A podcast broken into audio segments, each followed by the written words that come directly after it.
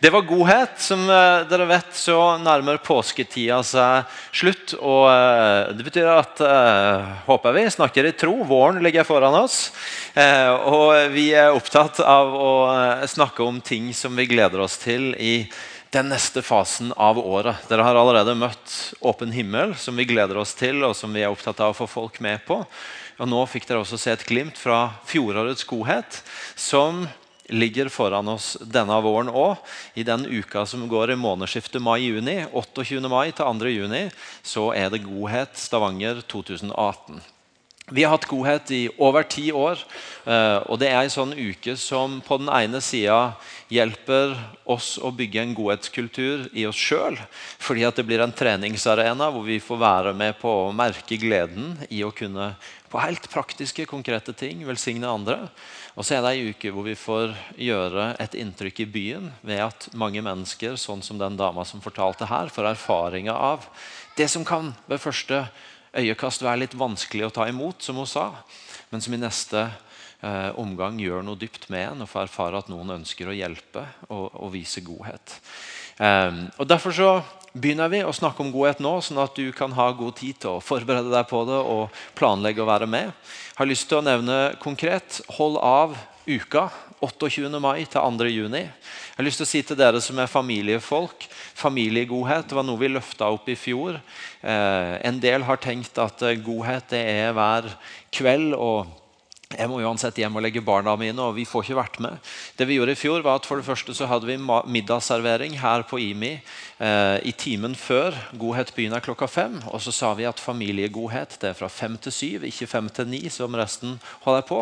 Sånn at du kan med god samvittighet ta med deg barna dine og gå hjem uten å føle at nå sluntrer jeg unna. eller var ikke helt ordentlig med, Men familiene er med fra fem til sju. Så det betyr planlegg for at du tar med deg barna dine og lar de òg få oppleve hvordan hvordan det er å være med på dette.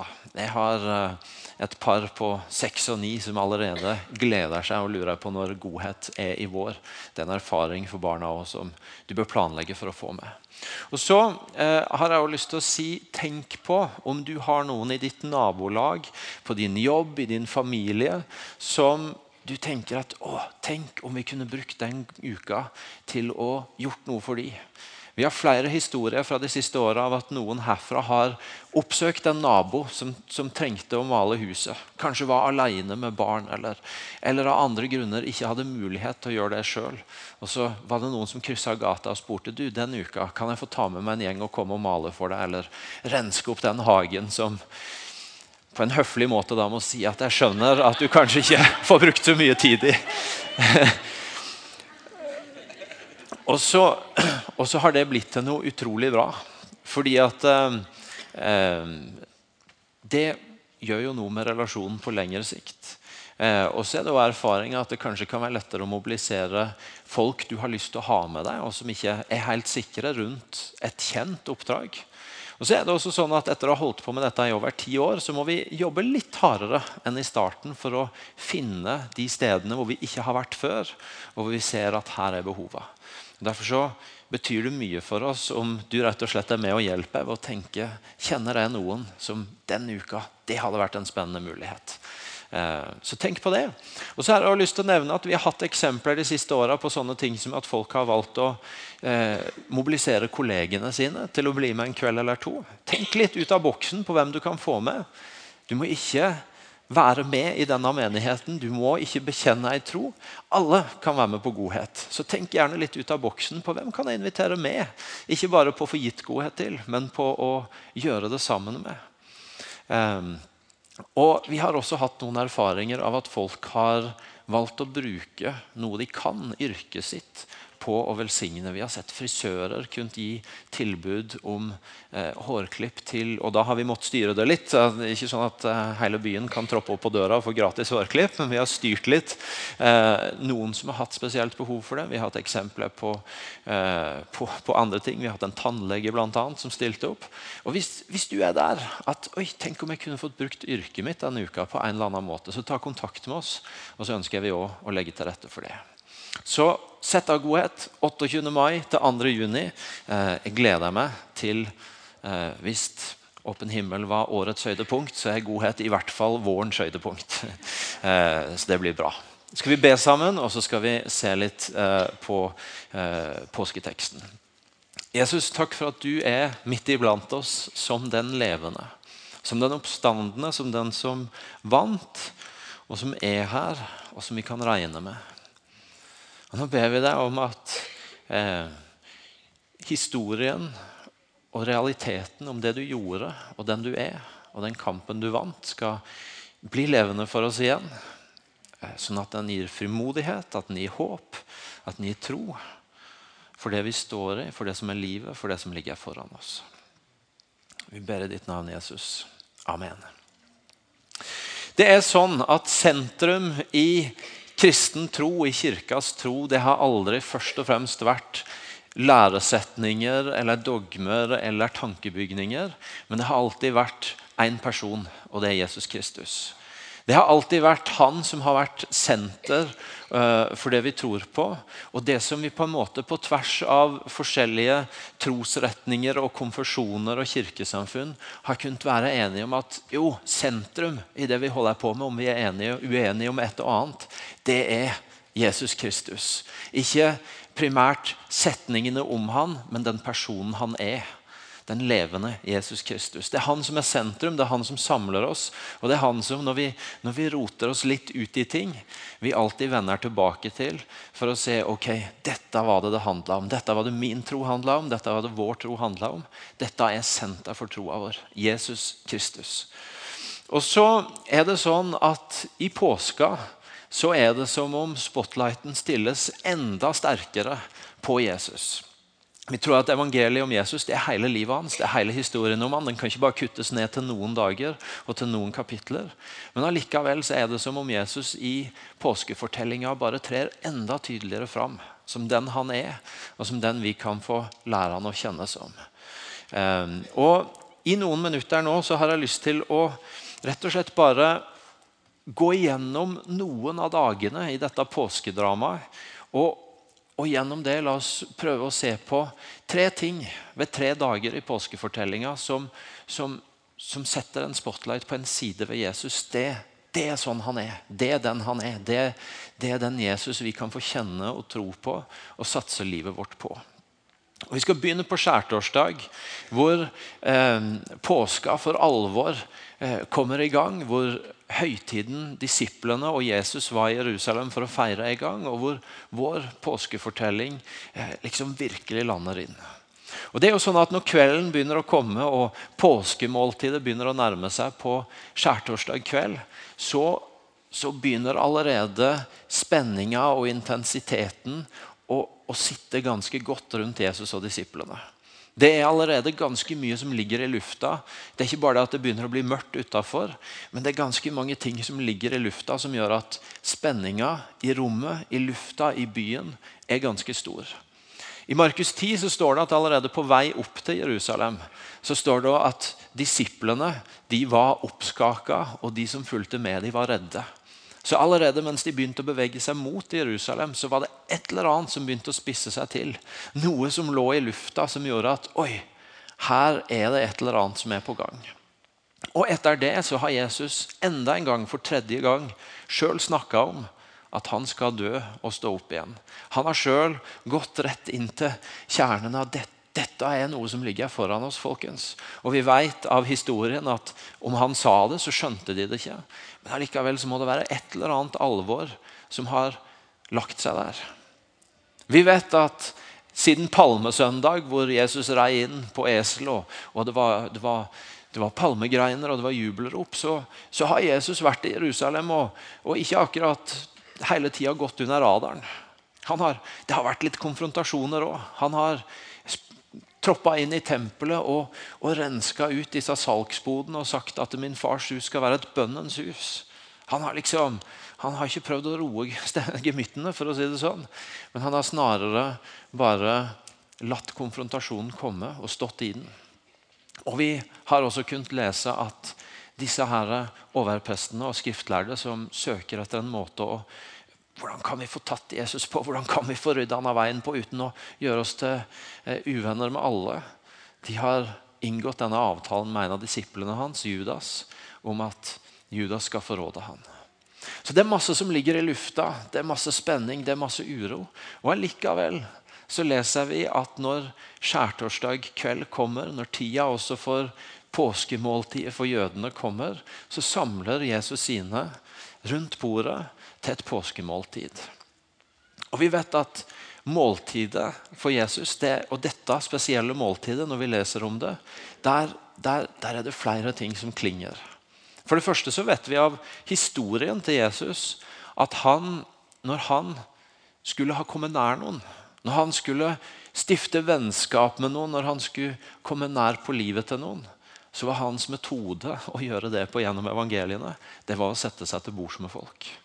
Når Jesus ville bli venner med folk, når Jesus ville komme nær mennesker som kanskje andre tenkte at ikke var noe å ha med å gjøre, så var det ett sted du kunne være sikker på at han benytta seg av, og det var måltidet. Det var bordet. Og Denne kvelden så er det igjen måltid og bordet, men denne gangen med sine disipler han bruker. Og så eh, er det jo også sånn at mens de sitter der, så, så deler de brød og vin. De, de, de, de, kommer nær hverandre også gjennom at de sender brød rundt og de sender vin rundt. og de, de deler dette med hverandre og til hverandre. Og I fortellinga til Johannesevangeliet om det som foregår under dette måltidet, så er det til og med med den historien om at mens de spiser, mens de sitter der, så kneler altså Jesus ned og så vasker han beina til disiplene. Han som er mesteren de sin, som er, som er den de følger, han er den som kneler ned. Og så vasker han beina på dem som en enormt sterk uttrykk for vi hører sammen. Jeg bøyer meg ned og tjener dere. Og så sier han at som jeg har vaska deres bein, så skal også dere vaske hverandres bein.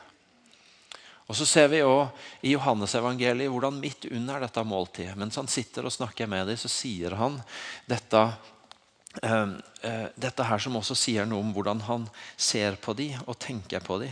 Når han sier i Johannes 15, 15 uh, Jeg kaller dere ikke lenger tjenere, for tjeneren vet ikke hva Herren hans gjør.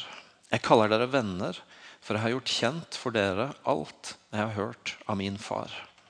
Jeg kaller dere venner, for jeg har gjort kjent for dere alt jeg har hørt av min far. Det er mer å si om, om, om påskemåltid, om nattverden, enn det jeg sier i denne talen. Men, men det er noe med at i en situasjon hvor det begynner å storme rundt dem, det begynner å bli mørkt rundt dem og utafor dem, så samler Jesus dem, og og så trekker han nær mot sine. Han, han søker mot dem, han søker nær dem.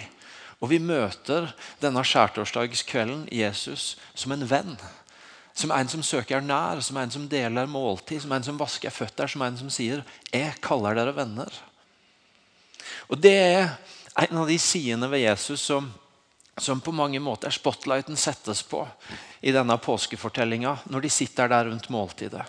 At uansett hvor mye det stormer rundt mitt og ditt liv, Uansett i hvilken grad mørket begynner å senke seg, så er en av sidene ved Jesus Kristus, når vi får tro på han og kjenne han, at han har en bevegelse. Han er Guds sønn, den allmektige Guds sønn, men han har en bevegelse, og det å komme nær oss. Og vi kan få kalle han venn. Han er den allmektige Guds sønn, men han er også vår venn. Og han er den som uavhengig av omstendighet søker mot oss, søker å komme nær oss, ønsker å få oss rundt bordet sitt for å være nær. Det er ei side ved den Jesus jeg tror på, og den Jesus som vi møter i påskefortellinga. Vennen Jesus. Jesus som søker nærhet, og som, og som byr til bords, og som vasker bein. Fordi han har et inderlig ønske om å være nær i ditt og mitt liv. Og så vet vi selvfølgelig at fortellinga ikke stopper der. Men mørket det fortsetter å senke seg, og vi fortsetter inn i en natt og en ny dag. De bryter opp fra måltidet, og de begir seg ut i natta. Og Når de kommer inn i natta, så er det på mange måter som om og du leser fortellinga over de neste timene og det neste døgnet, så er det på mange måter som om, som om Jesus og disiplene skiller vei. Som om de tar så forskjellige retninger i det vi møter hos dem, i hvilke valg de tar, i hva vi ser at bor i dem. Der de samles og kommer nær rundt måltidet, så er det akkurat som de spres idet de kommer ut. Fordi det denne natta, denne langfredagsnatta og det døgnet som ligger foran, bringer ut i dem, det er så forskjellig. Hos Jesus, nei, hos disiplene så møter vi sviket til Judas.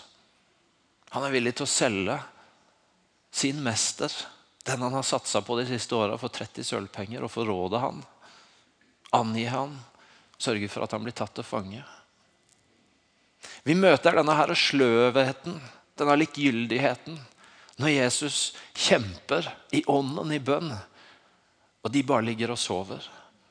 Og Selv når han prøver å vekke, vekke de opp og, og få et, på en måte, vise dem hva det står om her, så bare sovner de igjen.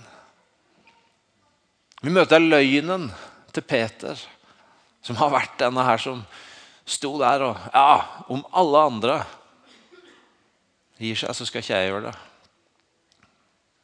Og så blir dette natta hvor han likevel blir den som banner og sverger på at han der har ingenting med å gjøre. Og vi møter denne unnfallenheten, denne feigheten når Lukas forteller om selve korsfestelsen og Jesu død, og så står det at de som fulgte han, de sto på avstand og så på. Som feighet og unnfallenhet i det det virkelig sto på. Så Det er noe av det vi ser hos disiplene. Og Samtidig, hos Jesus, så får vi møte noe helt annet. For han møter sviket når han blir forrådt. Han møter falske anklager når de lyver om hvem han er og hva han har gjort, og, og de sier ting som ikke er sanne, for å få han dømt. Han møter hån og ydmykelse. De ler av han, de spytter på han, de gjør narr av han. Han møter smerten og lidelsen når de pisker han, når de setter tornekrona på han. Og når de til slutt henger han opp på korset og spikrer han fast. Og I møte med alt dette så viker ikke Jesus av en eneste gang. Der disiplene turer av gårde i hver sine veier og definitivt viker av, så viker ikke Jesus en eneste gang. Men han holder fast på det han vet er hans å gjøre. Og enten det er svik, det er hån, det er løgn, det er smerte, så går han den veien han er satt til å gå. Forfatteren av Hebreabrevet skriver det sånn at eh, enda han var sønn, så lærte han lydighet ved å lide. Det er som om denne natta, denne langfredagsnatta bringer ut noe av det verste i disiplene og noe av det beste i Jesus. Som om disiplene kan ha vist alt de måtte ha ønsket av iver og glød og tenning. Men denne natta så var det noe annet som kom ut av dem. Men Jesus, han sto fast. Og Jo lengre nærmere Jesus kommer korset, jo mer aleine blir han. Fordi de som fulgte han, de tar sine egne veier. Og i disiplene så møter vi jo det som er sannheten om meg og du også. Nemlig at uansett hvor åndelige, fromme, committa, ivrige, gira vi måtte være, eller hvor, hvilken grad av fasade vi måtte ha en evne til å sette opp, så kommer vi alle til et eller annet punkt hvor dritten i oss tyter ut av oss. Hvor det som vi ikke er stolte av, det som vi ikke har lyst til at folk skal se, det som vi skulle ønske ikke var der, er noe av det som kommer ut og er sannheten om våre liv. Vi kan ikke rømme fra det, vi kan ikke gjemme det. Vi kan ikke late som det.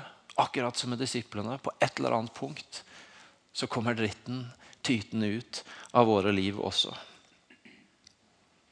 Det er litt som i det som etter hvert er en gammel Bjørn Eidsvåg-sang, som Gabriel gjorde ny i fjor.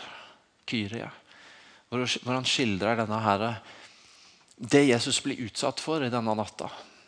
Og så begynner han i denne fromme, denne brennende, denne glødende. Men jeg har tenkt det skulle ikke jeg ha gjort. Tusen takk, Rune. Det skulle ikke jeg ha gjort. Jeg skulle ha kjempa sammen med deg. Holdt rundt deg og tørka svetten bort. Gjort hva jeg kunne for å glede deg. Jeg vet ikke om det er flere enn meg som noen ganger har hørt den og blitt litt grepet i den delen av sangen. Ja, det skulle jeg gjort. Det har i hvert fall jeg gjort. Så kommer han til den erkjennelsen vi alle er nødt til å komme med til på et eller annet punkt. Når han etter hvert synger Men jeg vet at jeg òg svikter, fornekter og bedrar. Jeg gjør ikke det jeg vet er plikter, men jeg er hjerteløs og hard. Likegyldig for andres nød, ofte blind for venners sorg. Hva bryr du meg de andres død? Min kulde er så fast en borg. Og så er Grunnen til at Jesus og disiplene ikke skiller vei den natta, det er at Jesus holder sin retning.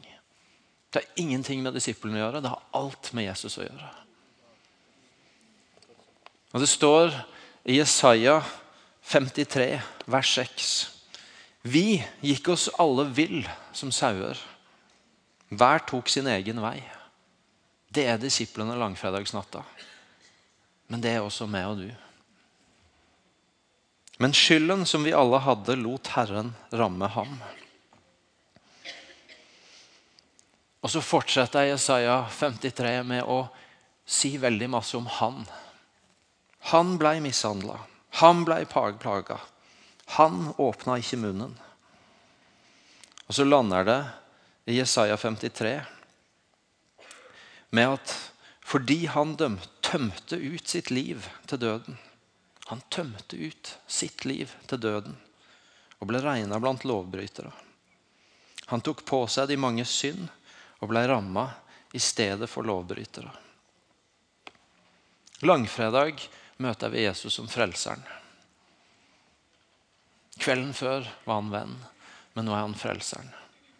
Og på et eller annet punkt så er det utrolig viktig at jeg og du forlater middagsbordet hvor vi møter han som venn, og blir med han ut i natta og møter han som frelser.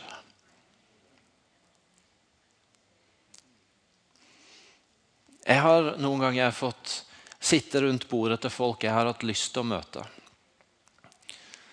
Og eh, Der kan vi sikkert være forskjellige. Noen av dere blir sikkert aldri litt sånn intimidated, som de sier på engelsk, eller starstruck, eller hva du vil kalle det. Litt sånn Oi, der var den personen.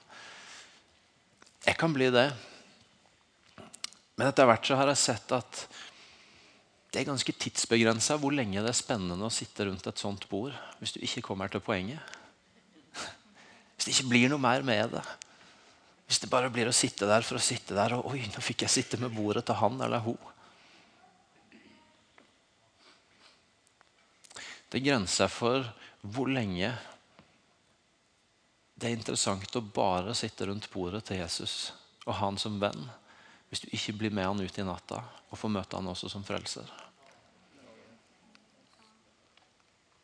Og Dette er også min erfaring med noen mennesker som jeg har fått være sammen med, som har vært nysgjerrig på Jesus.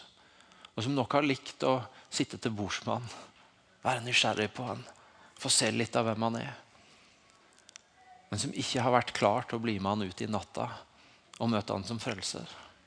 At på et eller annet tidspunkt så forsvinner interessen. Det er fantastisk å kunne ha Jesus som venn. Det er fantastisk Tenkte du på noe, Frida? Nei. Det er fantastisk å ha Jesus som venn. Det er fantastisk å kunne si at han drar meg nær. Men på et eller annet tidspunkt så må jeg og du bli med han ut i natta. Og så må vi være villige til å face dritten i livet våre. Det det stinker av, det vi ikke er stolte av, det vi skulle ønske ikke var der. Men gjennom det få gjøre erfaringa av at han er frelseren. Han er den som tok på seg alt fordi at vi ikke kunne fikse opp i det. Han er den som, som profeten Jesaja sa, tømte ut sitt eget liv helt til døden for at jeg og du skulle bli fri. Og for at det skulle bli lukka ei dør bak oss som sa at det der, det er nå historie. Du er ferdig med det. Han tok det. på langfredag så møter vi han som frelseren. Men heldigvis så kom jeg påskemorgen òg. Heldigvis så kom jeg påskemorgen òg. Og det er noen damer som er på vei ut til grava med noe olje fordi de forventer å møte et lik. Men de møter ei tom grav, og de møter noen skikkelser de ikke helt skjønner hva er. Og de hører stemmen som sier, 'Hvorfor leiter dere etter den levende blant de døde?' Så kommer Peter og Johannes litt etterpå, og så, og så ser de òg det samme. Og så viser han seg for Maria. Men dette er så mind-blowing, dette er så annerledes at de klarer ikke helt å tro det. Og I første omgang så fører den tomme grava og englene og det de har hørt, mer egentlig til forvirring og usikkerhet enn til glede. Men plutselig så, så står han der, da. Og så står det at Da kom Jesus, og han sto midt iblant dem og sa, 'Fred være med dere'. Og Da han hadde sagt det, viste han dem sine hender og sin side. Og Disiplene ble glade da de så Herren. Igjen sa Jesus til dem, 'Fred være med dere'. Som Far har sendt meg, sender jeg dere. Plutselig står han midt iblant dem som den oppstandende. Han lever, og de får se det, og de får ta på han. Og Så får de møte Jesus som kongen. Som kongen. Som den som vant, og som er konge. Fordi han har vunnet den seieren han skulle vinne. De møter han ikke som kongen fordi han, han er flink til å pynte på virkeligheten. Han er ikke en som bruker Photoshop eller midler for å få hvite tenner. De møter han ikke som kongen fordi han er den som hadde muligheten til å beskytte seg sjøl på alle mulige måter. Sånn at han kunne beskytte makta si fordi ingen kunne røre han. Nei, tvert imot. Han, han, han var midt i det. Og De møter han heller ikke som kongen fordi han lot seg friste til å ta alle de kampene som noen ville ha han til å ta, eller som det kunne være fristende for han å ta, men som ikke var hans. Han nekta å la seg friste til å tre inn i de kampene djevelen ville ha han til å ta når han var i ørkenen og ble frista. Han nekta å ta den kampen som var, må ha vært utrolig fristende når han står foran Pilatus og, og blir hørt. Og kunne ha lyst til å fighte for sannheten. Han er ikke konge fordi han pynta på noe, han er ikke konge fordi han beskytter seg mot noe. Han er ikke konge fordi han tok all verdens diskusjoner og kamper på seg, men han er konge fordi han kjempa den ene kampen som var hans å kjempe. Kampen mot djevelen sjøl, mot dødskreftene, mot dødsriket, og den kampen vant han. Og Derfor står han der som kongen blant dem, som den oppstandende, som den levende. Og han er konge. Han er de sin konge, han er vår konge. Og det er det fantastiske med påskemorgen. at at vi kjenner han som venn og vi kjenner han som frelseren. Men vi får også kjenne han som kongen. Som har vunnet over dødsriket og dødskreftene. Og som, eh, som har vunnet den seieren til evig tid. Som lover at en dag så skal han komme igjen og gjøre slutt på all smerte og sorg og tårer.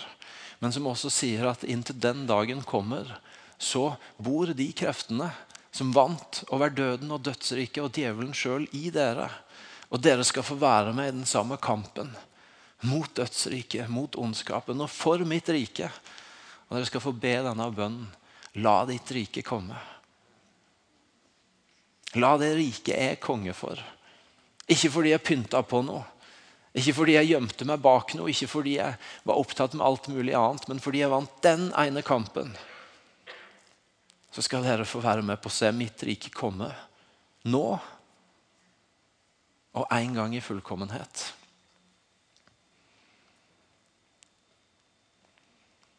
Og Det betyr at vi møter Jesus som frelseren, og det er ei dør som lukkes bak oss. Fordi at eh, dritten og synda og det som stinker, det tar han. Men det er også ei dør som åpnes foran oss, inn til et nytt liv. I etterfølgelse av kongen. I et liv sammen med kongen, som har vunnet denne ene kampen som var hans å kjempe, og som er så avgjørende. Noen ganger så gjør vi en del av de tingene som har med oppstandelseslivet å gjøre, til sånn spesielt interesserte greier.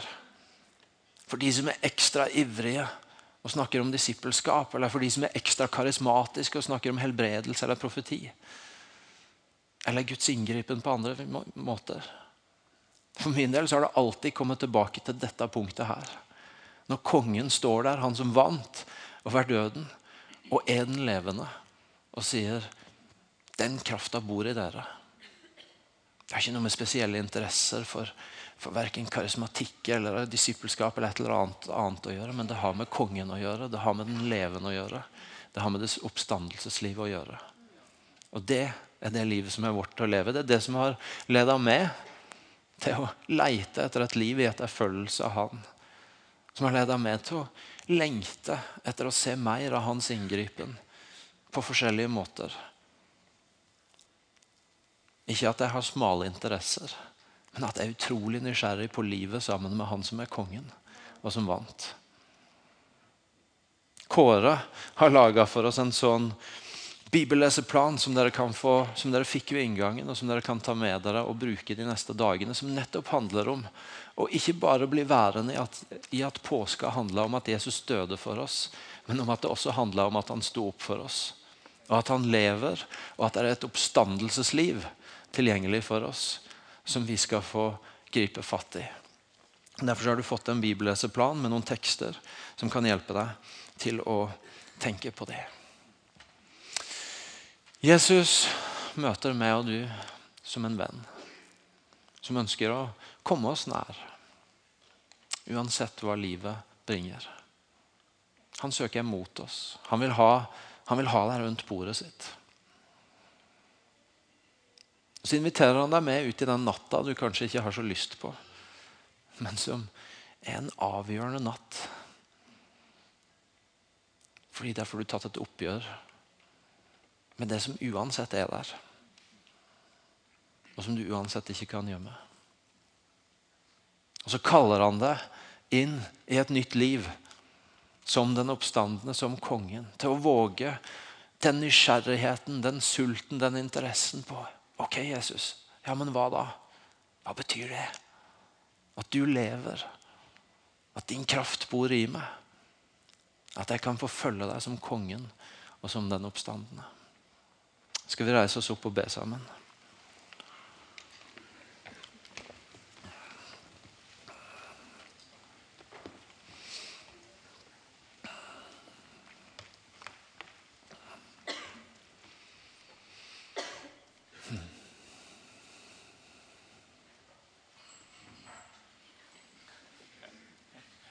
Jesus, takk.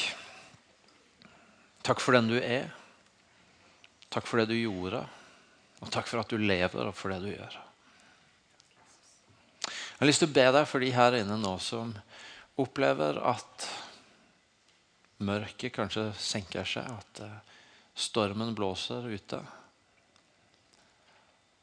Som bare trenger å bli tatt inn i det bildet av at du setter deg til bords, og du er en venn som kommer nær. La de få leve i det bildet. La de få kjenne at dette er, dette er en vår for å se et vennskap med du vokse. Så ber jeg deg for oss alle at vi skal bli med deg ut i natta og få møte deg som frelseren. Enten vi har gjort det mange ganger før, eller, eller vi gjør det for første gang. At vi aldri måtte glemme eller skygge banen når den vandringa begynner. Takk, Jesus, for at du tømte ut livet ditt helt til døden. For vår skyld.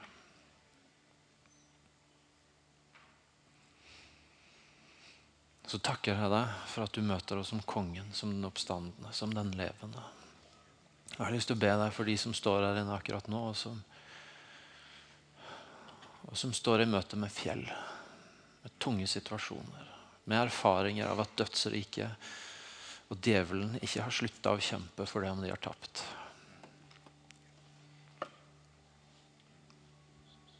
Om at dette skal få være en vår, en vår for å enda sterkere få erfare din oppstandelseskraft. Ditt kongedømme, ditt rike i denne verden og i våre liv. Bryt inn.